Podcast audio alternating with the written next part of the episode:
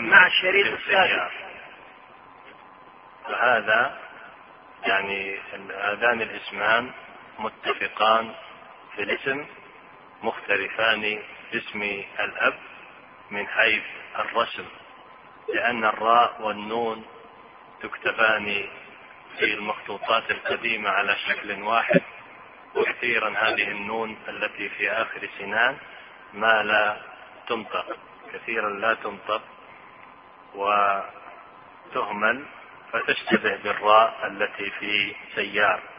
وكذلك الحال بالنسبة لمحمد بن حنين ومحمد بن جبير.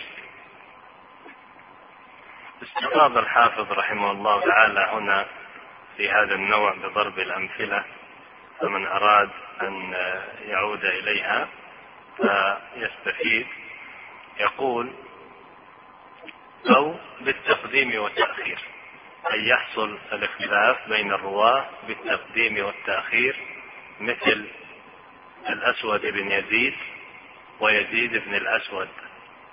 وهذا مرتبط بنوع سبق لنا ذكره وهو نوع المقلوب فإنه قد يقع بسبب الوهم أن يقلب الراوي هذه الأسماء. فيجعل الأسود بن يزيد هو نفسه يزيد بن الأسود فيخطئ في الاسم وهما راويان مختلفان أو نحو ذلك. بسم الله الرحمن الرحيم. الحمد لله رب العالمين. وصلى الله وسلم وبارك على نبينا محمد وعلى آله وصحبه أجمعين. أما بعد فقال الحافظ ابن حجر رحمه الله تعالى خاتمة ومن المهم معرفة طبقات الرواة ومواليدهم ووفياتهم وبلدانهم وأحوالهم تعديلا وتجريحا وجهالة ومراتب الجرح وأسوأها الوصف بأفعل كأكذب الناس ثم دجال ثم أو وضاع أو كذاب. وأسهلها لين أو سيء الحفظ أو فيه مقال. ومراتب التعديل وأرفعها الوصف بأفعل ومراتب ومراتب التعديل. أي أيوة ومعرفة مراتب التعديل. نعم. ومراتب التعديل وأرفعها الوصف بأفعل كأوثر الناس ثم ما تأكد بصفة أو صفتين كثقة ثقة أو ثقة حافظ. وأدناها ما أشعر بالقرب من أسهل التجريح كشيخ. وتقبل التزكية من عارف بأسبابها ولو من واحد على الأصح. والجرح مقدم على التعديل إن صدر مبينا من عارف بأسبابه فإن خلا عن التعديل قبل مجملا على المختار. قال فصل ومن المهم معرفة كنى المسمين وأسماء المكنين ومن اسمه كنيته ومن كثرت ومن كثرت كناه أو نعوته ومن وافقت كنيته اسم أبيه أو بالعكس أو كنيته كنية زوجته ومن نسب إلى غير أبيه أو إلى أمه أو إلى غير ما يسبق إلى الفهم ومن اتفق اسمه واسم أبيه وجده أو اسم شيخه وشيخ شيخه فصاعدا.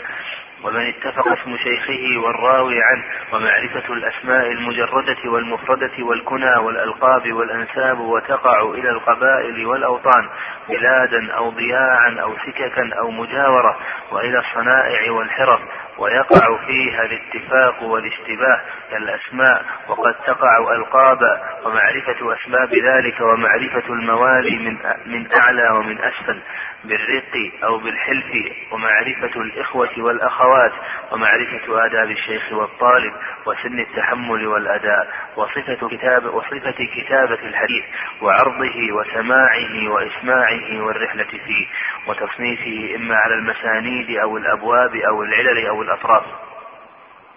ومعرفة سبب ومعرفة سبب الحديث. وقد صنف فيه بعض شيوخ القاضي أبي يعلى بن الفراء وصنفوا في غالب هذه الأنواع وهي نقل محض ظاهرة التعريف مستغنية عن التمثيل وحصرها متعسر. فلتراجع لها مبسوطاتها. والله الموفق والهادي لا إله إلا هو. يقول الحافظ ابن حجر رحمه الله طبقات ومن المهم خاتمة ومن المهم معرفة طبقات الرواة. بدأ هنا بالكلام على بعض الأنواع المتناثرة المتعلقة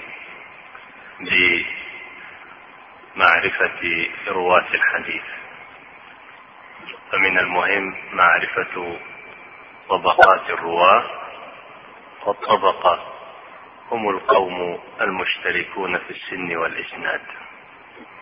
القوم الذين تكون أسنانهم متقاربة ومشايخهم مشتركين. هؤلاء يعدون في طبقة واحدة.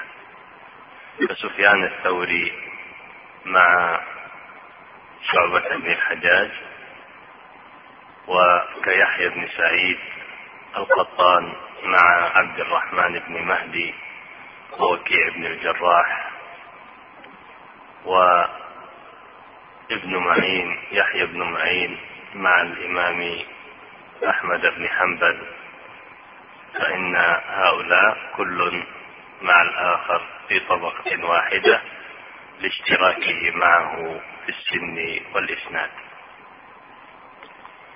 والمقصود بالإسناد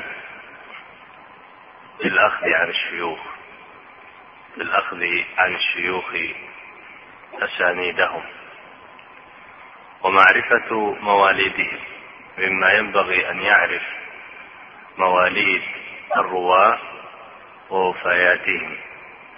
فإنه بمعرفة مولد الراوي ووفاته يعلم من لقي ومن لم يلقى.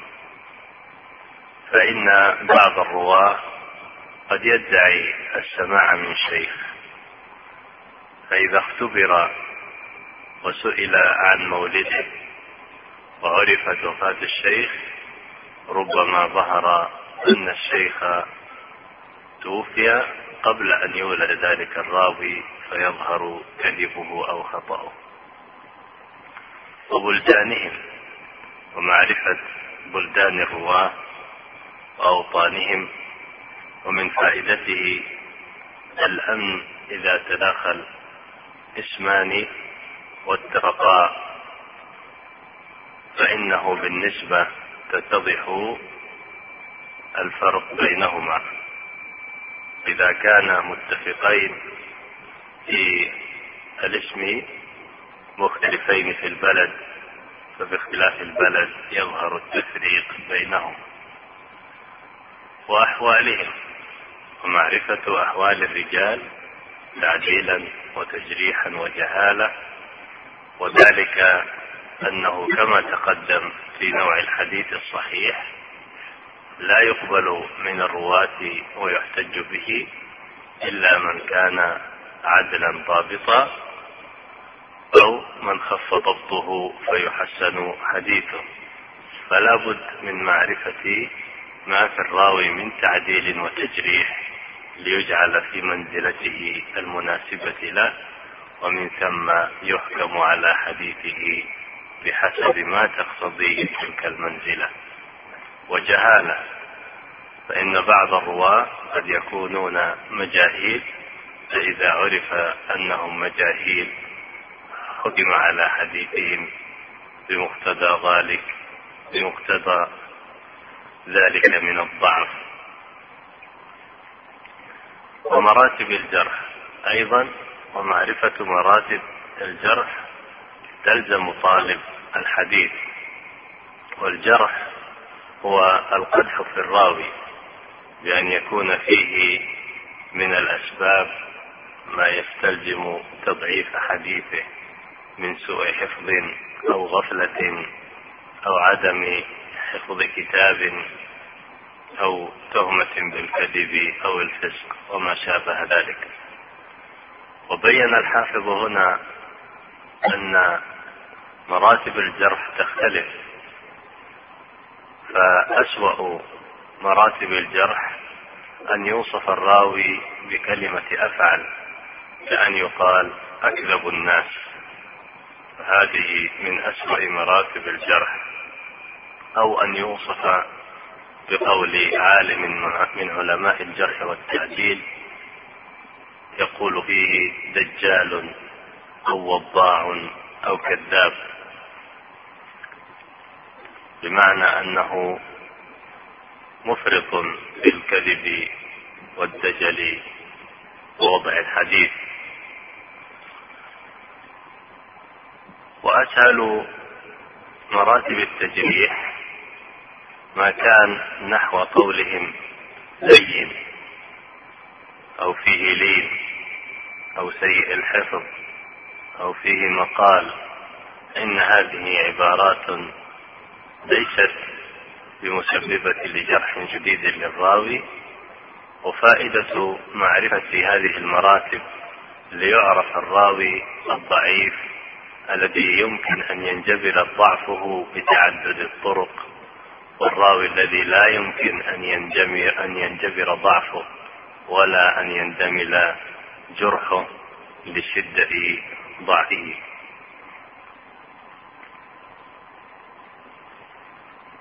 ومراتب التعديل أي أيوة ومما يلزم معرفته. معرفة مراتب التعديل وهو التوثيق. وأرفع مراتب التعديل الوصف بأفعل. كأن يقال هذا أوثق, أوثق الناس أو أن تؤكد تلك الصفة بتكرارها كأن يقال فيه ثقة ثقة أو ثقة حافظ إما أن يتكرر لفظها وإما أن يتكرر معناها. يتكرر لفظها مثل ثقة ثقة. أو ثبت ثبت أو يتكرر معناها مثل ثقة حافظ أو عدل ضابط ونحو ذلك. وأدنى مراتب التعديل ما أشعر بالقرب من أسهل التجريح كشيخ. فإذا وصف الراوي بقولهم شيخ فإن هذا ليس فيه تعديل بين. فهو أقرب مرتبة إلى مراتب التجريح فلذلك يعد في أدنى مراتب التعديل. وكذلك قولهم يروى حديثه ويعتبر به ونحو ذلك. يقول الحافظ بعد أن تكلم بعد أن تكلم على ألفاظ الجرح والتعديل فهذه العبارات عمن تقبل؟ يقول وتقبل التزكية من عارف بأسبابها ولو من واحد على الأصح. هذا التعديل أو التجريح ممن يقبل يقبل من العالم الناقد العارف العارف بأسباب الجرح والتعديل. أما الذي لا يعرف أسباب الجرح والتعديل كيف يقوى الراوي ومتى يثنى عليه ومتى يضعف وبما يضعف إذا لم يكن يعرف ذلك فإنه لا يقبل قوله فيشترط في من يطلق مثل هذه التزكيات أو ذلك الجرح أن يكون عارفا بأسبابه ليقبل قوله ويؤخذ به. ولا يشترط تعدد القائلين بل يكتفى ولو بواحد. لذلك قال ولو من واحد على الأصح. فإذا وجدنا الراوي لم يتكلم حوله إلا ناقد واحد فأثنى عليه أو قدح فيه وكان هذا الناقد كلامه معتبرا لمعرفته بأسباب الجرح والتعديل وعدم تشدده وإفراطه فيهما. فإن كلامه يقبل حتى وإن كان واحدا. فيخرج ذلك الراوي الذي تكلم فيه ذلك الناقد من حيز الجهالة إلى حيز المعرفة. فإذا وثقه يكون ثقة وإذا جرحه يكون ضعيفا.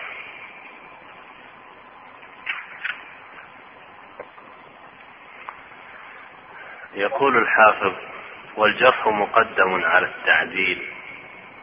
إن صدر مبينا من عارف بأسبابه. هذه المسألة إذا تعارض الجرح والتعديل. جاءنا في راو تعديل من بعض الأئمة. وجاءنا تجريح من بعض الأئمة. فأيهم نقدم فأيهم يقدم؟ يقول الحافظ الجرح مقدم على التهذيب لكن بشرط وهو أن يصدر مبينا بمعنى مفسرا بحيث أنه لا يقول فقط ضعيف. فإن هذا جرح مجمل لم يبين سببه. فإذا كان الراوي وجد فيه تعديل. بعض الأئمة يقولون هو صدوق بعضهم يقول عدل بعضهم يقول ثقة بعضهم يقول لا بأس به. هذه الألفاظ تعريف فجاءنا إمام وقال هو ضعيف. فهل يؤخذ بهذا التضعيف؟ لا يؤخذ به ما لم يكن مفسرا. بمعنى أن يفسر لنا سبب الضعف. فيقول مثلا ضعيف بسوء حفظه أو يقول سيء الحفظ أو يقول مضطرب الحديث فيأتي في تضعيف مبين السبب. ففي هذه الحالة يؤخذ بقول الجارح وذلك أن عنده زيادة علم ليست عند الموثقين بمعنى أنه بان له من ضعف هذا الراوي باختباره ما لم يتبين لأولئك النفر. وهذا ضابط من الضوابط. هذا ضابط من الضوابط وإلا قد يأتي ما يرجح ذلك التعديل لاسباب أخرى. كما لو كان ذلك الإمام معروفا بتشدده.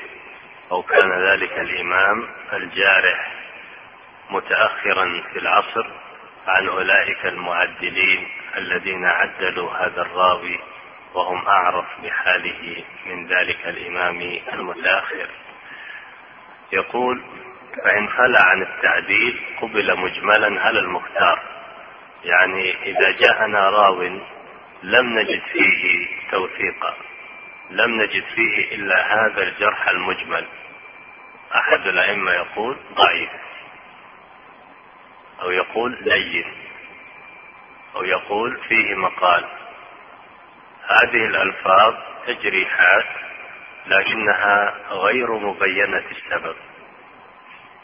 ضعيف لماذا فيه مقال؟ ما هو هذا المقال؟ لين. لماذا لين؟ فهنا إذا كان هذا الراوي لم يوجد فيه تعديل فيقبل ذلك الجرح. فإن إعمال هذا الجرح أولى من إهماله لأن إهماله يؤدي إلى التجهيل بحال ذلك الراوي فإعمال قول المجرح أولى من إهماله.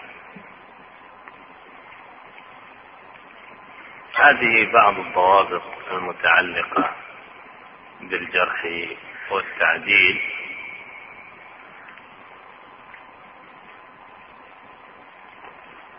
ننتقل بعد ذلك إلى فصل جديد يتعلق بمعرفة كنى وأسماء رواة الحديث وألقابهم وما يشبه ذلك. يقول الحافظ فصل ومن المهم معرفة كنى المسمين وأسماء المكنين أو المكنين ومن اسمه كنيته ومن كثرت كناه أو نعوته. من المهم أن يعرف المحدث أو المشتغل بعلم الحديث كنى المسمين. وذلك أن بعض الرواة قد يذكرون في بعض الأسانيد بكناهم لا بأسمائهم.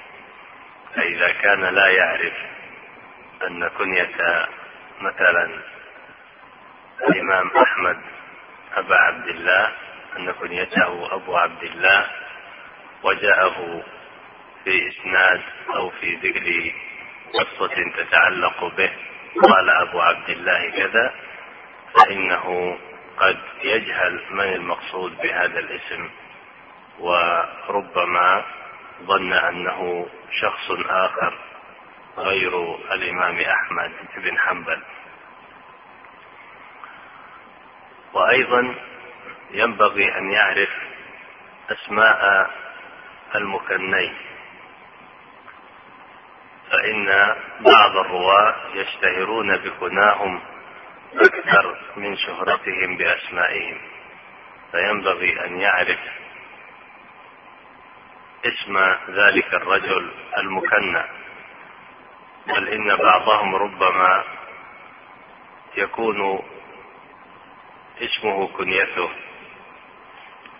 أو ربما يستشتهر كنيته حتى يخفى اسمه كما هو الحال بالنسبة إلى أبي هريرة رضي الله عنه فإنه اختلفت أقوال العلماء في اسمه إلى أقوال كثيرة فقيل عبد الرحمن وقيل غير ذلك. وأيضا أبو بكر بن عياش اشتهر عند المحدثين بهذه الكنية وعند القراء باسمه وهو شعبة بن عياش. فربما يسمع السامع قراءة شعبة ولا يدري أن شعبة ابن عياش هذا هو نفسه المشهور عند المحدثين بأبي بكر بن عياش. فمعرفة كنى المسمين وأسماء المكنين من الأمور التي تلزم طالب الحديث ليسلم من الخطأ في تعيين صاحب تلك الكنية أو صاحب ذلك الاسم. ومن اسمه كنيته. فإن بعض الرواة ليس له اسم إلا كنيته إلا كنيته مثل أبي سلمة بن عبد الرحمن بن عوف إنه لا يعرف له اسم إلا كنيته وهو أحد ثقات التابعين المشهورين المعروفين. ومعرفة من اختلف في كنيته. وبعض الرواة يقال في كناهم أكثر من قول قيل كذا وقيل كذا وقيل كذا. فيعتني بهذا لأنه ربما جاءه في السند بإحدى الكنى التي عرف بها عند قوم ولم يعرف بها عند قوم آخرين فينبغي أن يعرف ذلك وإذا كان يحفظه فبها وإلا يرجع إلى الكتب التي تعتني بمثل ذلك. ومعرفة أيضا من كثرت كناه فإن بعض المحدثين له عدة كنى ثابتة عنه كابن جريج عبد الملك بن عبد العزيز له كنيتان أبو الوليد وأبو خالد. ومعرفة الكنى صنف العلماء فيها مصنفات عديدة منها كتاب الكنى للإمام مسلم وكتاب الكنى للدولابي ومن أكثرها كتاب الكنى لأبي أحمد الحاكم. ومن المتأخرين كتاب الحافظ الذهبي المقتنى في سرد الكنى. اعتنوا المحدثون بكنى الرواة في مثل هذه المصنفات فمن أشكل عليه من ذلك شيء رجع إليها وهذه الذي التي ذكرتها من الأسماء من أسماء المصنفات مطبوعة متداولة إلا كتاب الكنى لأبي أحمد الحاكم. فمطبوع قطعة منه وبقيته بعضها مخطوط وبعضها مفقود. ثم يقول الحاكم الحافظ رحمه الله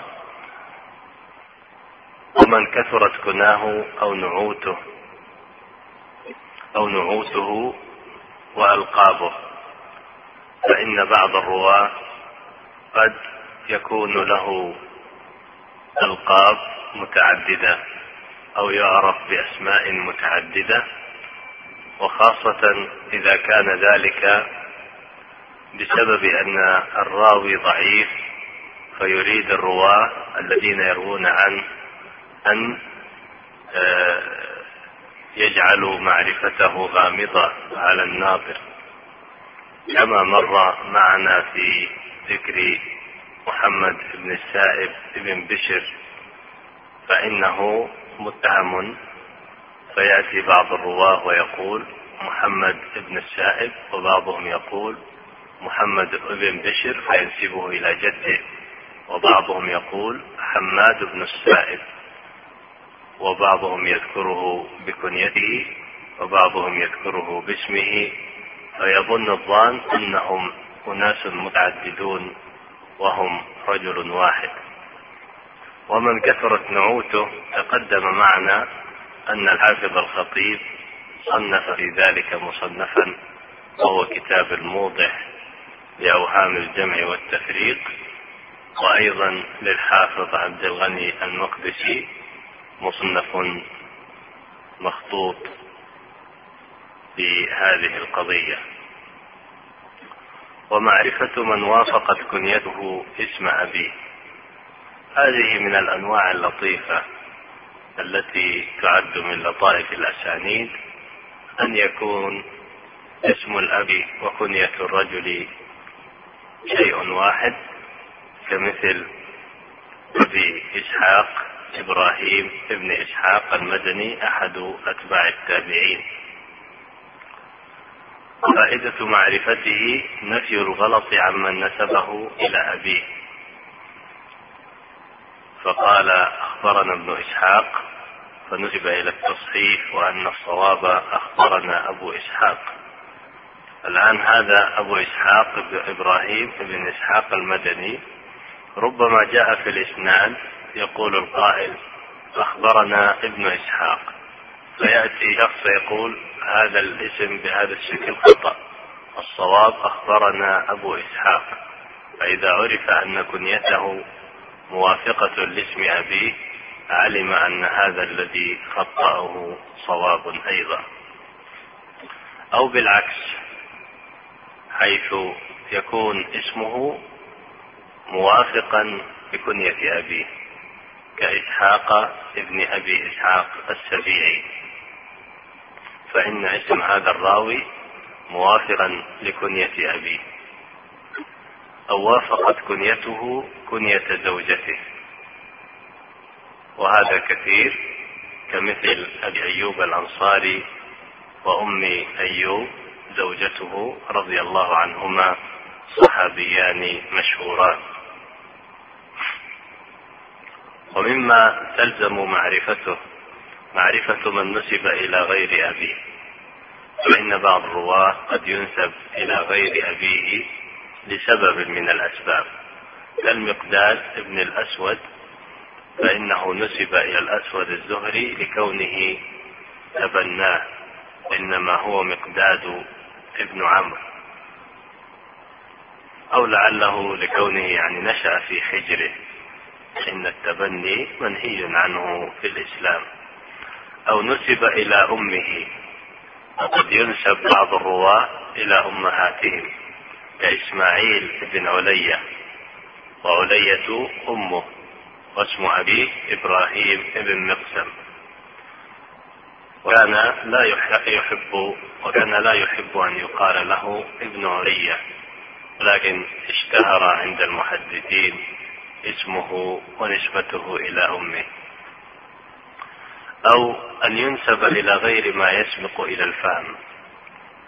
قد ينسب الإنسان إلى شيء يسبق إلى الفهم معنى الصواب خلافه كالحذاء كخالد الحذاء. ظاهره أنه منسوب إلى صناعتها أي صناعة الأحذية لا يحب أن يقال له علية ولكن ظهر عند المحدثين اسمه ونسبته إلى أمه. أو أن ينسب إلى غير ما يسبق إلى الفهم. قد ينسب الإنسان إلى شيء يسبق إلى الفهم معنى الصواب خلافه كالحذاء خاتم الحذاء. ظاهره أنه منسوب إلى صناعتها أي صناعة الأحذية. أو بيعها وليس كذلك وإنما كان يجالسهم فنسب إليهم.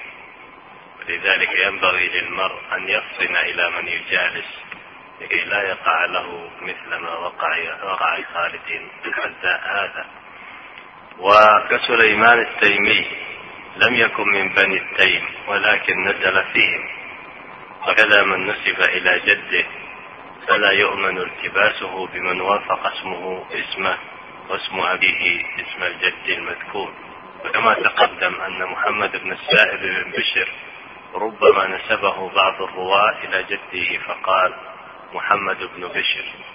وبعض الرواة قد يكون لهم هذا الاسم محمد بن بشر فيظن أنه هو وليس كذلك وإنما نسب إلى جده. ومما تلزم معرفته أن اتفق اسمه واسم أبيه واسم جده مثل أن يكون اسمه الحسن واسم أبيه الحسن واسم جده الحسن كالحسن بن الحسن بن الحسن ابن علي بن أبي طالب رضي الله عنه. وقد يقع أكثر من ذلك وهو من فروع المسلسل كما وقع لبعض العلماء منهم ابن الجزري المقرئ فإن اسمه محمد ابن محمد ابن محمد إلى أسماء متعددة كل أسماء آبائه محمد. يقول الحافظ وهو من فروع المسلسل لأنه قد يأتي في السند حدثنا محمد عن محمد عن محمد عن محمد فيتسلسل السند بالمحمدي وتقدم معنا الكلام على المسلسل وقد يكون مثل هذه الأسماء من فروعه. أو اسم شيخه وشيخ شيخه فصاعدا. بأن يتفق اسم شيخه مع اسم شيخ شيخه فصاعدا. مثل أن يأتي عمران عن عمران عن عمران.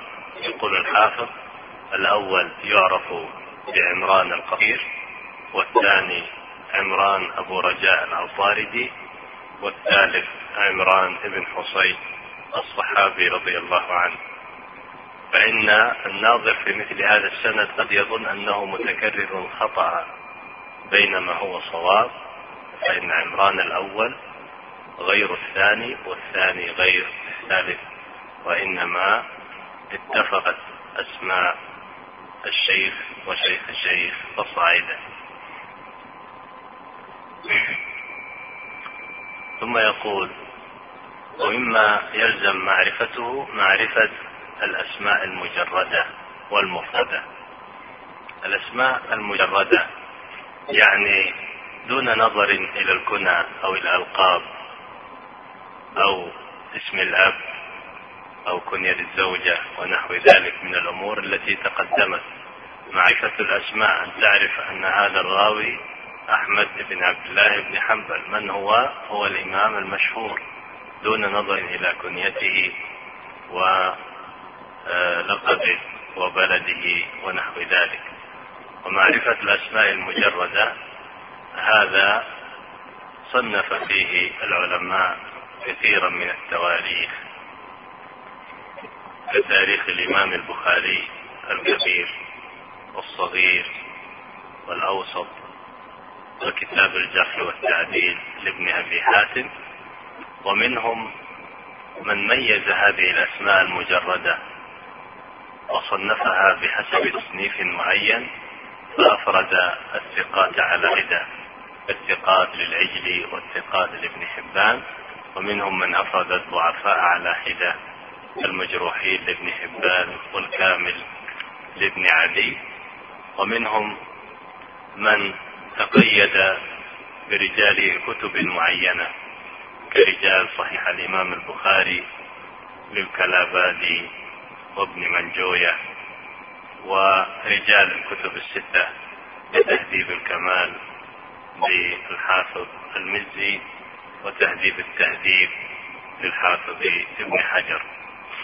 من المهم معرفة الأسماء المفردة. والأسماء المفردة هي الأسماء الذي يندر التسمية بها حتى لا يوجد إلا رجل واحد بهذا الاسم. ولذلك سميت بالأسماء المفردة مثل صغدي بن سنان. صغدي بالصاد المعجمة المضمومة ثم الغين المعجمة الساكنة ثم الدال المهملة ثم ياء مشددة. وهذا الاسم لا يعرف به إلا راو واحد فهذا يعد من الأسماء المفردة وصنف في هذا الحافظ أبو بكر أحمد بن هارون البرديجي كتابا مطبوعا في جزء صغير.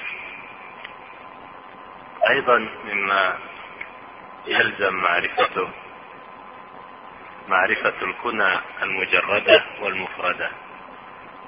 وكذا معرفة الألقاب. والألقاب هي أن يعرف الشخص بأمر فيه مدح أو ذم أو ينسب إلى عاهة أصيب بها أو حرفة كالأعمش. ونحو ذلك من الألقاب كالأعمش ومطين وغندر وبندار فهذه ألقاب لبعض المحدثين.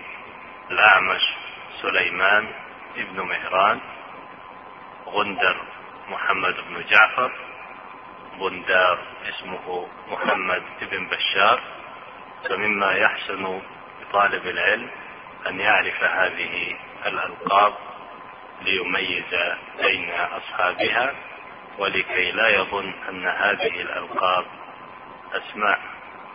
ومن أوعب ما صنف في ذلك كتاب للحافظ ابن حجر صاحب النخبة يسمى بنزهة الألباب في معرفة الألقاب وهو مطبوع في مجلدين. كما تلزم معرفة الأنساب. وهذه الأنساب تقع إلى القبائل القرشي التميمي الخزرجي أو إلى الأوطان بلادا أو ضياعا أو سككا أو مجاورة. بمعنى أن ينسب الشخص إلى بلده المدني الكويتي النجدي المكي أو ضياعا يعني إلى القرى التي فيها مزارع فينسب إليها أو سككا أي الطريق الذي يسكن فيه وينسب إليه. أو مجاورة أو مجاورة لبعض أهل آه، تلك السكك ونحوها أو القبائل. كما تقع الأنساب إلى الصنائع والحرف وخاصة بعد أن دخل كثير من العجم في الإسلام فإنه بدأ يقل النسب إلى القبائل وصار الناس ينسبون كثيرا إلى بلدانهم وإلى حرفهم وصنائعهم. ويقال فلان الخياط وفلان الخباز أو البزاز ونحو ذلك. وقد تقع الأنساب ألقابا يقول وقد تقع ألقابا يعني هذه الأنساب قد تكون على صورة النسب وهي لقب. كخالد بن مخلد القطواني. المتبادر إلى الذهن من القطواني أنه منسوب إلى رجل يسمى قطوان لكن هذا نسبة إلى آه، لكن هذا لقب وليس نسبة إلى صنعة معينة. يقول ومما يلزم معرفته معرفة أسباب ذلك. يعني أن تعرف أسباب هذه الألقاب فإن المحدثين اعتنوا بها.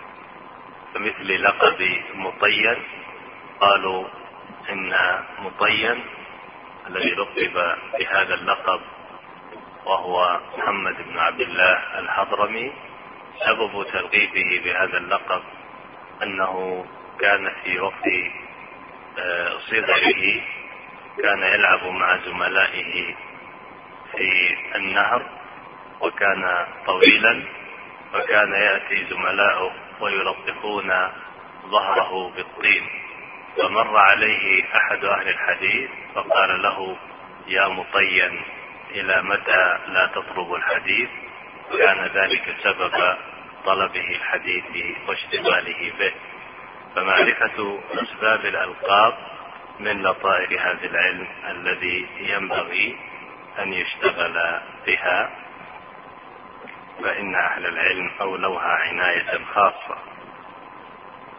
ومعرفة الموالي من أعلى ومن أسفل. فإن بعض الرواة ينسبون إلى مواليهم. فيكون مولا لقريش فينسب إلى قريش فيقال له القرشي مولاهم أو التميمي مولاهم. فينبغي معرفة النسبة إلى تلك الموالي من أعلى ومن أسفل بالرفق أو بالحلف. إما أن يريد بقوله من أعلى أي أن بعض الموالي ينسب إلى مولاه القريب ولربما كان المولى مولى لمولى آخر. نعم. فهذا أعلى وذلك أسفل. أو يريد بقوله الموالي من أعلى أي صاحب الولاء الذي له الفضل في هذا الولاء بسبب عتقه أو بسبب أنه أسلم هذا الرجل على يديه فيكون من أعلى. أو نعم وأما من أسفل فيكون من وقع عليه الولاء والمنة بالرق أو بالحلف.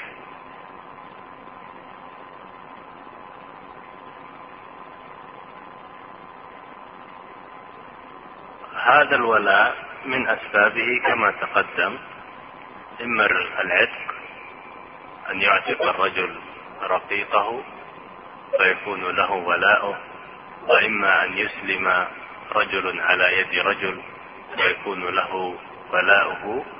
أو يكون الولاء عن طريق الحلف بأن تتحالف القبيلة الضعيفة مع القبيلة الأقوى منها فتنسب إليها على سبيل الحلف لا على سبيل النسب.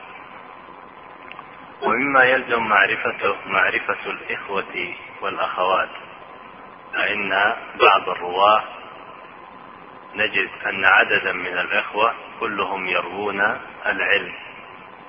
فاعتنى العلماء بمثل هذا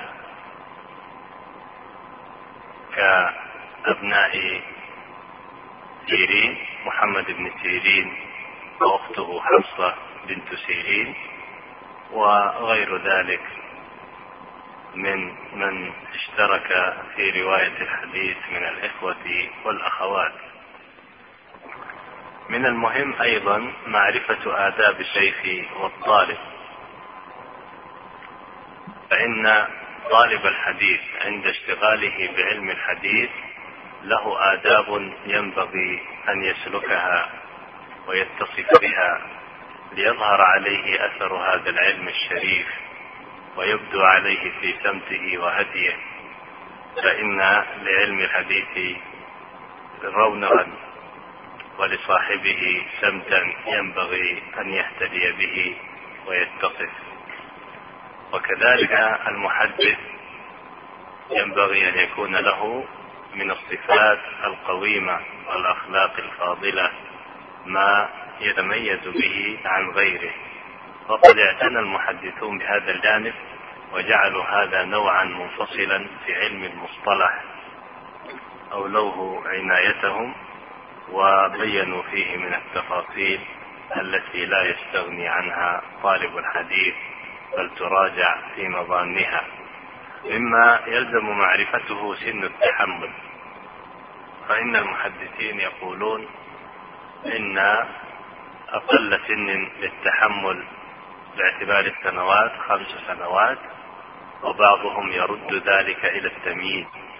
فمن حين ميز الصبي فإنه يصح تحمله للحديث. وأما قبل ذلك فإنه لا يصح تحمله سواء كان ابن خمس أو دون ذلك أو فوق ذلك. والأداء ومعرفة سن الأداء فإنه لا يقبل أداء الحديث من الراوي حتى يبلغ كما مر في تعريف الحديث الصحيح. فإن راوي الحديث الصحيح لا يقبل حديثه حتى يكون عدلا ومن شروط العدل البلوغ. وصفة كتابة الحديث وعرضه وسماعه وإسماعه والرحلة فيه مما يلزم معرفته أن يعرف كيف يكتب الحديث. وذلك أن لأهل الحديث آدابا في كتابته بأن يكتب بخط واضح بين يضبط ما يحتاج إلى ضبطه آه، يكتب الصلاة والسلام على النبي صلى الله عليه وسلم كاملة لا يختصرها بالرمز ولا يختصرها في المعنى فيقتصر على الصلاة دون السلام أو على السلام دون الصلاة. ويعتني بمقابلة كتابه بعد أن يسمعه على شيخه ونحو تلك الأمور. وشروط المقابلة الذي سماه العرض. فللمقابلة آداب وشروط ينبغي أن يراعيها. وصفة سماع الحديث من الإنصات للشيخ والانتباه وإسماعه كيف يسمعه لغيره وشروط الإسماع والرحلة فيه. وأيضا مما ينبغي معرفته معرفة فضل الرحلة في طلب الحديث ومتى تكون الرحلة؟ فإن عادة المحدثين ألا يرحل طالب الحديث إلا بعد أن ينتهي من الأخذ عن أهل بلده المعتبرين أصحاب الأسانيد العالية. الثقات. مما يلزم معرفته في علم المصطلح. معرفة تصنيف الحديث. فإن المحدثين بعد أن يتأهل المحدث يستحبون له أن يشتغل بالتصنيف فإن التصانيف تبقى بعده وينتفع الناس بها. وكيفية التصنيف عندهم؟ إما أن تكون على المسانيد أي على مسانيد الصحابة يرتب الأحاديث بحسب مسانيد الصحابة مسند أبي بكر ثم مسند عمر ثم مسند عثمان ثم مسند علي وهكذا. أو يرتب الصحابة رضوان الله عليهم على الحروف. فيرتب كتابه على مسانيد الصحابة أو على الأبواب. كتاب الطهارة ثم كتاب الصلاة ثم كتاب الصيام ثم كتاب الحج. وإن شاء قدم كتاب الإيمان وكتاب العلم. على أبواب الطهارة والصلاة كما فعل الإمام البخاري. أو يصنف الحديث بحسب العلل والتصنيف في علل الحديث من التصانيف المهمة عند المحدثين التي تظهر مكانة المحدث ونقده ومعرفته بهذا الشأن أو يرتب تلك الأحاديث بحسب الأطراف كما صنف في ذلك أبو مسعود الدمشقي والحافظ المزي والمقصود بالأطراف أنه يذكر طرف المتن يذكر بعضا من المتن ثم يذكر الإسناد مرتبا تلك الأسانيد بحسب مسانيد الصحابة. ومرتبا تلك المسانيد بحسب حروف المعجم ثم الرواة عن الصحابة كذلك إلى آخره. مما ينبغي معرفته معرفة سبب الحديث. وكما أنه مما ينبغي معرفته معرفة سبب نزول القرآن ينبغي أيضا معرفة سبب نزول سبب حديث النبي صلى الله عليه وسلم وقوله ذلك القول.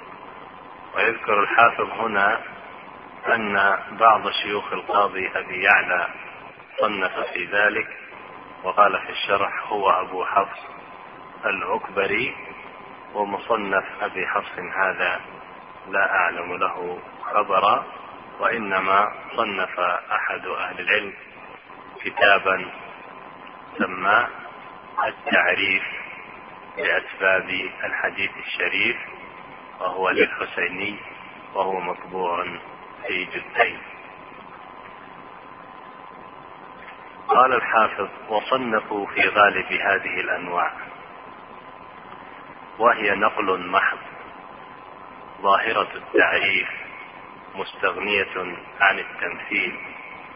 يعتذر الحافظ لنفسه في كونه لم يفصل الكلام على هذه الأنواع المتأخرة لأن هذه الأنواع ليست عسرة على الفهم إنما هي نقول ينبغي ضبطها بحفظها وأنها ظاهرة التعريف بيانها واضح مستغنية عن التمثيل لأنها نقول محضة وحصرها متعثر حصرها صعب بكثرتها وتفرقها فيقول الحافظ فلتراجع لها مبسوطاتها من أراد التوسع فيها فليرجع إلى الكتب المبسوطة المصنفة في هذه الأنواع المتقدمة.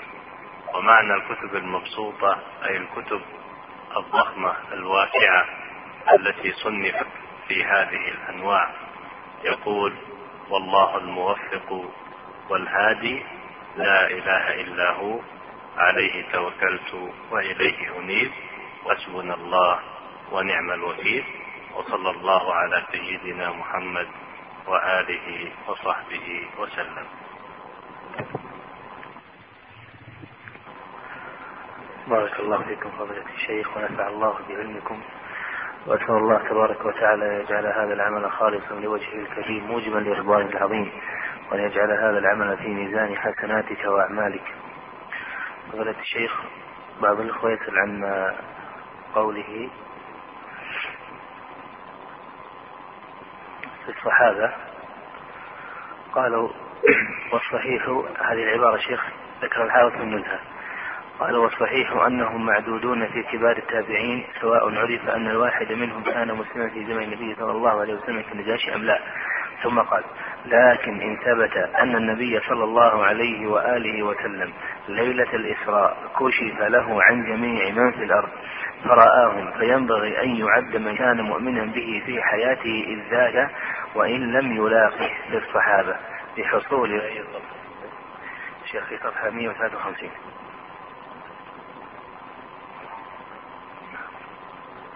نعم. قال الشيخ من العبارة قال وإن لم يلاقه بالصحابة لحصول الرؤية من جانبه صلى الله عليه وسلم.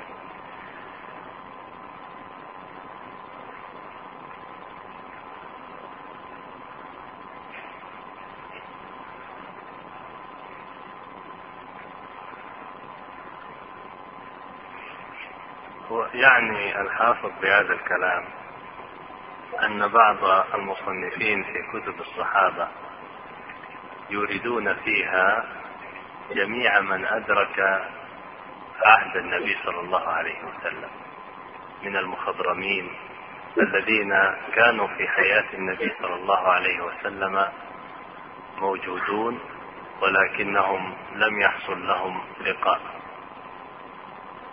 فهو يقول يعني إيرادهم لأولئك إنما هو باعتبار العصر لا باعتبار كونهم صحابة. فأرادوا أن يحيطوا بذكر أهل ذاك العصر الذين كانوا في عهد النبي صلى الله عليه وسلم. أما كون أن النبي صلى الله عليه وسلم رآهم يعد ذلك الرجل صحابي لرؤية النبي صلى الله عليه وسلم له كما في هذا الحديث الذي يعني ذكره وأشار إليه.